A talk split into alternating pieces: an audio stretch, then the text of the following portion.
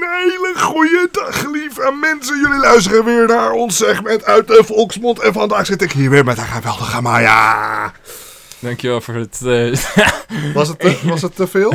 Was het te veel passie? nee, dit was perfect. Het Ja? is heel energiek. Eh, ik denk dat het goed overkomt en dat mensen echt voelen dat je er heel veel zin in hebt. Oké, gelukkig. Ik deed mijn best. Mm. Ik deed echt mijn best. Ik hoorde het. En je best doen is eh, Het is het beste wat je kan doen.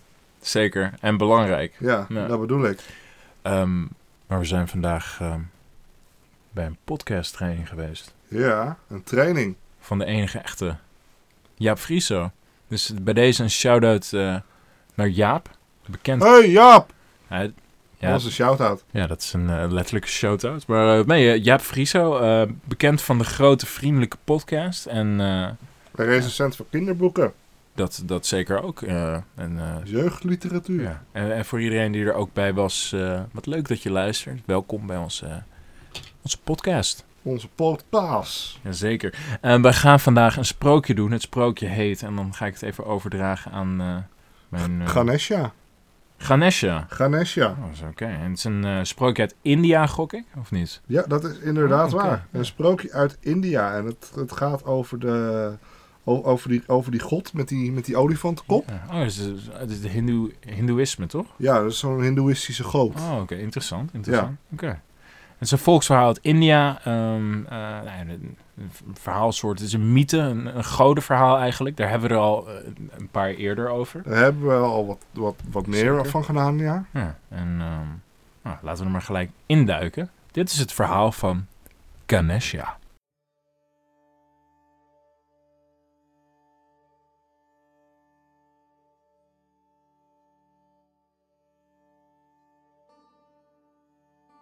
Eens gebeurde het dat god Shiva thuis kwam en hij voor de deur een van zijn dienaren aantrof. Deze verbood hem toegang tot het huis met de boodschap dat Parvati, dochter van de bergen en vrouw van Shiva, aan het baden was en de opdracht had gegeven om niemand door te laten. Shiva die wierp de dienaar een dreigende blik toe en zonder zich ook maar iets van zijn woorden aan te trekken, liep hij naar binnen. Toen de banende Parvati plotseling haar echtgenoot voor zich zag staan, steeg het schaamrood haar naar de wangen. Ze bedekte haar naaktheid en rende naar haar slaapvertrek. Naar aanleiding van het incident dacht Parvati: Ik zou een dienaar helemaal voor mijzelf moeten hebben. Iemand die alleen maar naar mij luistert en werkelijk doet wat ik hem opdraag. Uit het vuil van haar lichaam creëerde zij op een dag een knappe jonge man. Deze had een gaaf lichaam en was oersterk. Nadat ze hem in de kleren had gestoken en zijn uiterlijk verfraaid had met sieraden en juwelen, zei ze tegen hem: Jij bent Ganesha, mijn eigen zoon.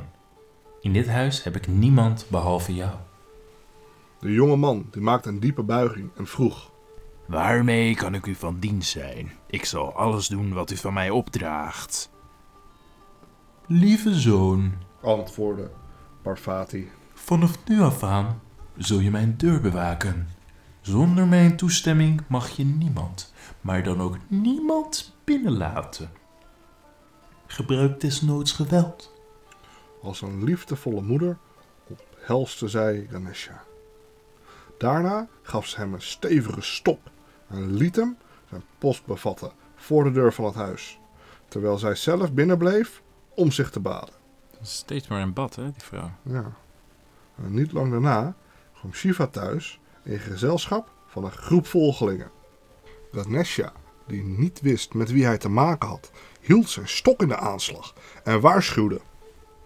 Zonder toestemming van mijn moeder mag ik u niet binnenlaten. Shiva, die keek hem aan en die zei... Dommor, wie ben jij om mij tegen te houden? Weet je niet dat ik Shiva ben? Als antwoord kreeg Shiva een stevige mep met de stok. Je bent niet goed bij je hoofd. Ik ben Shiva, de man van Parvati. Ik woon hier en ik ga hier nu naar binnen. Voor hij een stap verder kon doen, kreeg hij voor de tweede maal een klap. Savage. Shiva die liep terug naar zijn volgelingen om zich te beklagen. Wie is die jongen?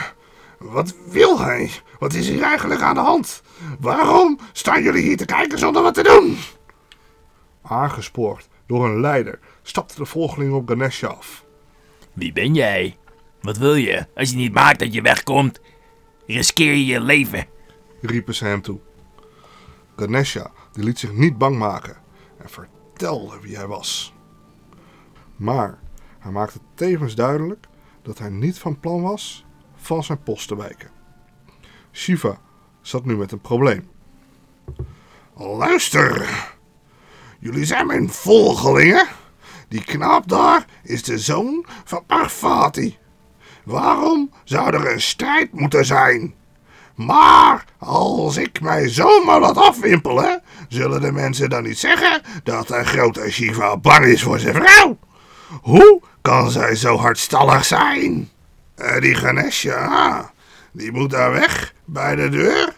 En als er een strijd moet zijn, dan is Parvati daar verantwoordelijk voor. Laat het gevecht beginnen. De volgelingen die grepen hun wapens en onder het slaken van strijdkreten gingen ze tot de aanval over. Ganesha pakte een enorme knots en elke keer als hij een klap mee uitdeelde, klonk het gekraak van botten. Armen, benen en hoofden die vlogen in het rond. De volgelingen van Shiva die waren geen partij voor deze machtige krijger. Als herten die een leeuw bespeuren, stoven ze in tien richtingen uitheen. De goden hadden deze afstraffing vanuit hun hemelse verblijfplaats genadig geslagen. Onder leiding van hun god Vishnu verschenen ze op het strijdtoneel. Vishnu die zei tegen Shiva: Zonder list is Ganesha niet te verslaan. Het geluk is aan zijn zijde. Hij is oersterk, een ware held die van vechten houdt. Vishnu die bedacht een plan en vertelde het aan Shiva. Daarna bond hij de strijd aan met Ganesha. Terwijl deze twee aan het vechten waren, sloop Shiva van achter naar bij en sloeg met zijn drietand het hoofd van de romp van Ganesha. Toen Ganesha was gedood, begonnen de goden, de volgelingen van Shiva, luid jubelend in het rond te dansen. Juist op dat moment kwam Parvati naar buiten en zag het onthoofde lichaam van haar zoon voor de deur liggen. Ze begon hardop te jammeren. Wat moet ik doen? Waar kan ik heen? Het noodlot heeft toegeslagen. De goden hebben mijn zoon vermoord. Hoe kan ik dit verdriet ooit te boven komen? Maar mijn wraak zal zoet zijn. In een oogwenk creëerde zij honderdduizend Saktis. Woest uitziende godinnen met tien armen. Moeder, Spraken zij. wat wilt u dat wij voor u doen? In haar razernij antwoordde Parvati. O godin, ik wil dat jullie de wereld vernietigen. Verslind alles wat op je pad komt, goden. Halfgoden, zieners. Ja, zelfs mijn eigen volgelingen. Op haar bevel begonnen de godinnen hun verwoestende werk. Overal waar je keek waren Saktis. Overal. Alles wat leefde, pakten ze en wierpen ze in een opengesperde mond. De goden waren machteloos. Met afgrijnzen staarden ze naar het huiveringwekkende tafereel. En terwijl ze aan het beraadslagen waren wat hun te doen stond om deze verwoesting halt toe te roepen, verscheen hun leermeester Narada de Ziener in hun midden. De goden die wierpen zich aan zijn voeten en vroegen om hun hulp. Daarop sprak de Ziener. Zolang Parvati, de dochter van de bergen, geen medelijden heeft, zal er ellende zijn. Laat daar geen misverstand over bestaan. Toen ging Narada met in zijn gevolg een aantal andere zieners naar Parvati. Hij nam een buigende houding aan en sprak. O, moeder van de wereld, wij brengen u hulde. U heeft alles geschapen. U bent de macht die beschermt en u bent de macht die vernietigt. O, godin, wees voldaan, wees kalm. Parvati die bleef nijdig kijken en die zei geen woord. Opnieuw maakte Narada een diepe buiging en vervolgde zijn verzoek om genade. O godin, alsjeblieft, vergeef ons de fout die is gemaakt. Wij zijn uw eigen kinderen. We voelen ons ellendig over wat er is gebeurd. Heb medelijden. Na deze woorden te hebben aangehoord, verscheen er een glimp van tevredenheid in de blikken van Parvati. Zij sprak. Als jullie mijn zoon weer tot leven brengen, zal ik een einde maken aan deze verwoesting. Als jullie hem respect tonen en hem opziener van de goden maken, dan pas zal er vrede zijn. Deze boodschap kleerde Narada terug naar de goden. Shiva begon voorbereidingen te treffen om aan de eis van zijn vrouw tegemoet te komen. Aan de goden gaf hij opdracht om het lichaam van Ganesha te halen en het te wassen. Daarna sprak hij. Ga naar het noorden en haak het hoofd af van het eerste levende wezen dat jullie tegenkomen. De goden die trokken naar het noorden en het eerste wat zij zagen was een olifant met één slagtand. Zij hakte zijn hoofd af, bracht het terug en bevestigde het aan de romp van Ganesha. Vervolgens nam Shiva wat nectar van de goden en terwijl hij gebeden prevelde, sprenkelde hij de druppers op het zieloze lichaam. Bij de eerste druppel die op hem viel, kwam Ganesha weer tot bewustzijn. Hij stond op, alsof hij slechts een dutje had liggen doen. Zijn ledematen zagen er nog even krachtig en schitterend uit als tevoren. En op zijn schouders stond een vrolijk blozende olifantenkop. Iedereen was blij. Het meest van iedereen die blij was, was Parvati Parvati. natuurlijk. Ja. Ja. Nu haar zoon weer levend en gezond was. En dit is het eind. Ja, maar nu wel met een olifantenkop. Ja. En moet je dat willen? Want die onthoudt dan alles wat je zegt. Dus ook gewoon de... Ja, olifanten die vergeten natuurlijk niet. Die vergeten het niet. Nee.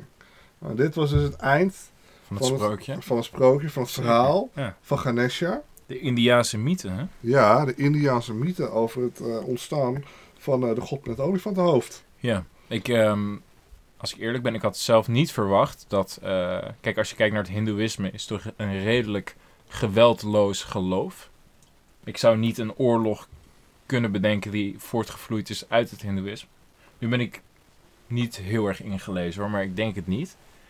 En dan is het best wel heftig eigenlijk allemaal. Want Ja, het is allemaal best wel mooi, het hindoeïsme. En dan, en dan hoor je toch wel zo'n verhaal van, nou ja, koppen worden afgehaakt, ledematen die in het rond vliegen. ehm, een god die eigenlijk gemaakt is uit eh, badwater. eh, eh, ik, denk dat je een beetje in de war bent met, met het boeddhisme.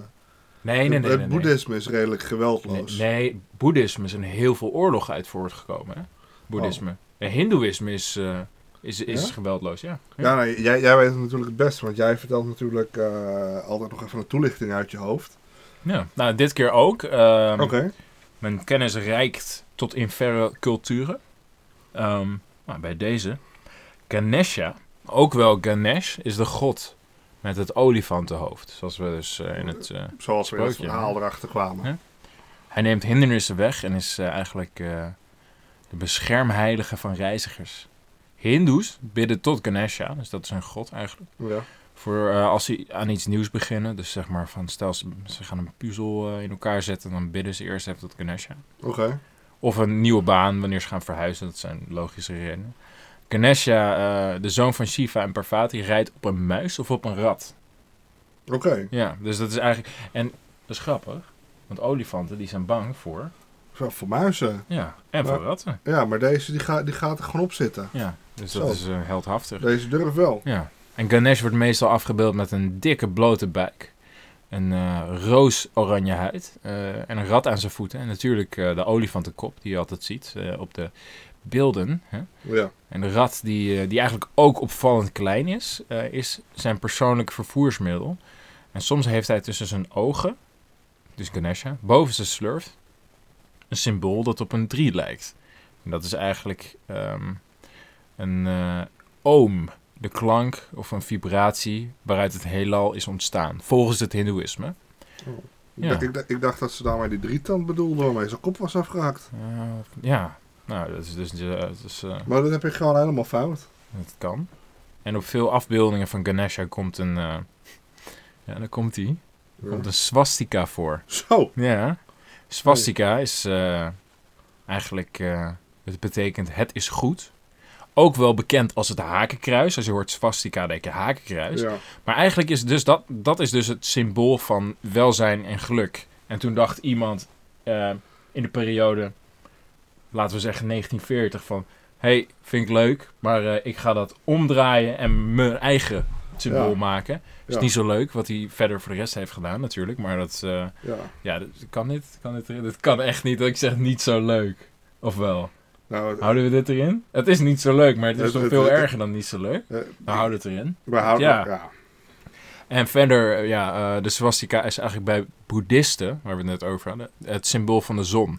Dus daar ging Oké. Aatje ging er ook de fout in mee. Want- want, Ja. eh, en ehm, ja, in het oude China staat het haakkruis eh, symbool voor de oriëntering naar de vier windstreken. Dus nou, eigenlijk is het ook een soort van molentje. Ja. En het wordt gebruikt om het getal 10.000, wat voor hun oneindig was, aan te duiden. In, het, nou, in de moderne geschiedenis staat de swastika symbool voor Nazi-Duitsland. Ja, dat was hem. Dat was hem. Maar, Ja. maar Er ik- ging wel ik- veel, veel... Ja, sorry, ik, ik weet veel over de swastika, dus dan, dan ging ik er veel op in. Ja, maar ik, ik, ik, ik, ik, het valt me wel een beetje op. Eh, die Chinezen die zijn niet zo goed in tellen. 10.000 en oneindig, dat zijn hele verschillende getallen. Moet je kijken hoeveel mensen ze in China hebben. Ja, zijn er wel meer dan 10.000. Dat zijn er wel meer dan 10.000. Dus misschien, misschien dat het er wel 20.000 zijn. Ik denk dat het er misschien wel 25 zijn. Nou, ja, denk je dat? Ja, Dat is wel veel. het zijn echt, ja, maar het zijn echt heel veel. Die Aangezien, aangezien 10.000 ontelbaar is. Aangezien ze alles moeten produceren. Want alles wat je hebt, zo'n dingetje op. Made Ja. in China. Dat je- hebben al de Chinezen gemaakt. Ja, Ja, dat is waar. denk er maar eens over na. Ik eh, zal het eens laten bezinken. Dat bedoel ik. Bazinga. Hiep hoi. Hey, hey. Hey hoi. Maar ehm, ja, bedankt voor het luisteren. Eh, wij zijn eh, op Spotify te beluisteren. Ehm, klik Ja. op dat volgknopje, want dan kun je eh, elke keer als wij een nieuwe aflevering hebben, zie je automatisch van hey, lekker luisterplezier. Ja, En, dan, ehm, dan we- dan weet je dat we er weer zijn. Ja. En, En dat we nog leven. Ja, Ja. dus geef ons een, een likey. Is dat Ja. op Spotify iets? Je kan het zeker liken. Oké. Maar de, volg, de volgknop, die is funest eigenlijk. Oké. Nou, dat is een mooi woord waarvan ik ook weer niet weet wat het betekent. En dan, eh, Ja, en dan, dan kunnen we denk ik wel eh, er een eh metaforisch einde aan gaan breien. Ja. Dus dan, dan blazen we dit, dit, dit, dit verhaaltje weer uit. Toeter, toeter, toeter, toeter, toeter. Met Ganesha op de scooter. Eien, eien, eien, eien, eien. Wil een stukje met haar rijden. Ukke, ukke, ukke, ukke, ukke. Dat zou dan wel niet lukken. Maar dat geeft